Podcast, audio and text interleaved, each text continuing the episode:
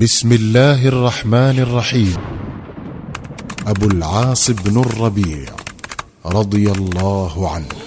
كان أبو العاص بن الربيع العبشمي القرشي شابا موفور الشباب بهي الرونق رائع المجتلى بسطت عليه النعمة ظلالها وجلله الحسب بردائه فغدا مثلا للفروسية العربية بكل ما فيها من خصائل الأنفة والكبرياء.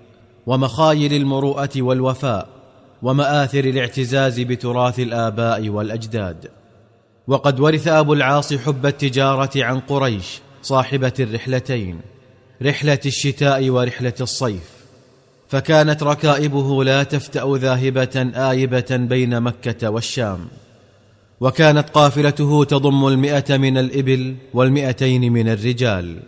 وكان الناس يدفعون إليه بأموالهم ليتجر لهم بها فوق ماله لما بلوا من حذقه وصدقه وأمانته. وكانت خالته خديجة بنت خويلد زوج محمد بن عبد الله تنزله من نفسها منزلة الولد من أمه وتفسح له في قلبها وبيتها مكانا مرموقا ينزل فيه على الرحب والحب. ولم يكن حب محمد بن عبد الله لأبي العاص بأقل من حب خديجة له ولا أدنى. ومرت الأعوام سراعا خفاقا على بيت محمد بن عبد الله. فشبت زينب كبرى بناته. وتفتحت كما تتفتح زهرة فواحة الشذا بهية الرواء. فطمحت إليها نفوس أبناء السادة البهاليل من أشراف مكة. وكيف لا؟ وهي من أعرق بنات قريش حسبا ونسبا. وأكرمهن اما وابا وأزكاهن خلقا وادبا ولكن أنى لهم أن يظفروا بها. وقد حال دونهم ودونها ابن خالتها أبو العاص بن الربيع فتى فتيان مكة. لم يمض على اقتران زينب بنت محمد بأبي العاص إلا سنوات معدودات حتى أشرقت بطاح مكة بالنور الإلهي الأسنى. وبعث الله نبيه محمدا بدين الهدى والحق وأمره بأن ينذر عشيرته الأقربين. فكان أول من آمن به من النساء زوجته خديجة بنت خويلد وبناته زينب ورقية وأم كلثوم وفاطمة على الرغم من أن فاطمة كانت صغيرة آنذاك. غير أن صهره أبا العاص كره أن يفارق دين آبائه وأجداده. وأبى أن يدخل فيما دخلت فيه زوجته زينب على الرغم من أنه كان يصفيها بصافي الحب ويمحضها من محض الوداد. ولما اشتد النزاع بين الرسول صلوات الله وسلامه عليه وبين قريش قال بعضهم لبعض ويحكم إنكم قد حملتم عن محمد همومه بتزويج فتيانكم من بناته فلو رددتموهن إليه لانشغل بهن عنكم. فقالوا نعم الرأي ما رأيتم. ومشوا إلى أبي العاص وقالوا له فارق صاحبتك يا أبا العاص وردها إلى بيت أبيها. ونحن نزوجك أي امرأة تشاء من كرائم عقيلات قريش. فقال لا والله إني لا أفارق صاحبتي وما أحب أن لي بها نساء الدنيا جميعا. أما ابنتاه رقية وأم كلثوم فقد طلقتا وحملتا إلى بيته. فسر الرسول صلوات الله وسلامه عليه بردهما إليه وتمنى أن لو فعل أبو العاص كما فعل صاحباه غير أنه ما كان يملك من القوة ما يرغمه به على ذلك ولم يكن قد شرع بعد تحريم زواج المؤمنة من المشرك.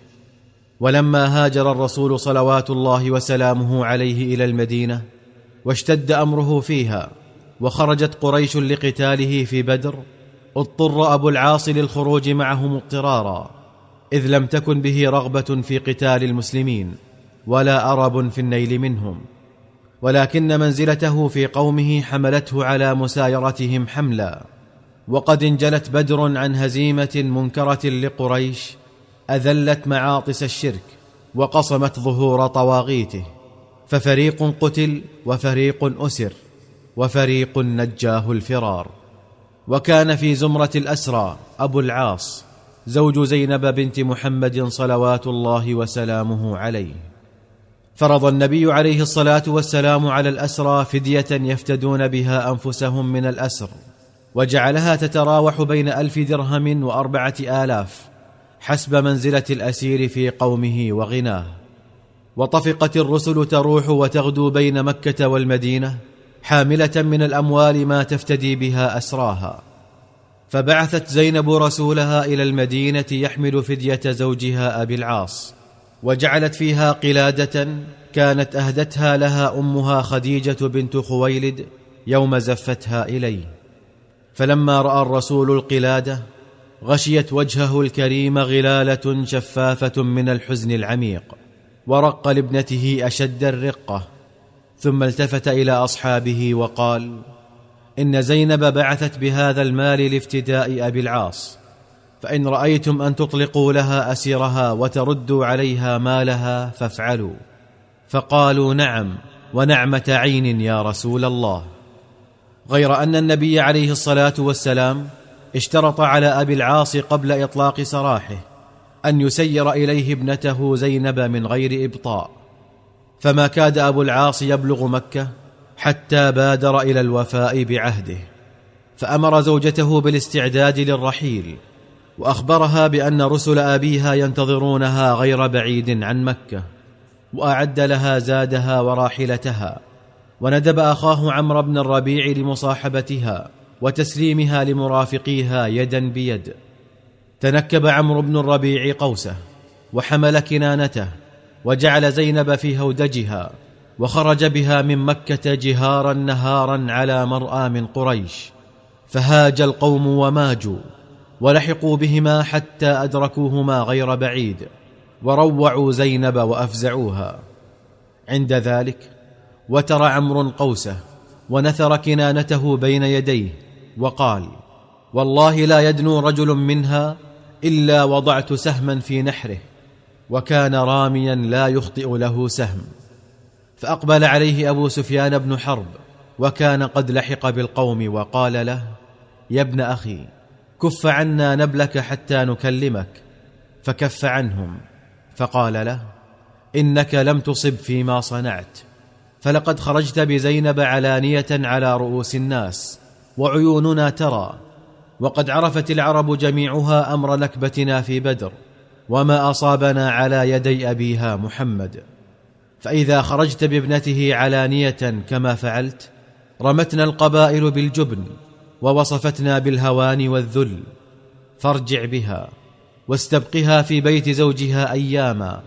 حتى إذا تحدث الناس بأننا رددناها فسلها من بين أظهرنا سرا وألحقها بأبيها فما لنا بحبسها عنه حاجة.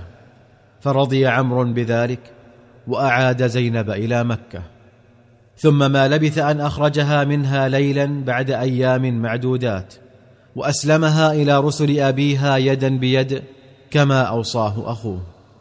أقام أبو العاص في مكة بعد فراق زوجته زمنا حتى إذا كان قبيل الفتح بقليل خرج إلى الشام في تجارة له.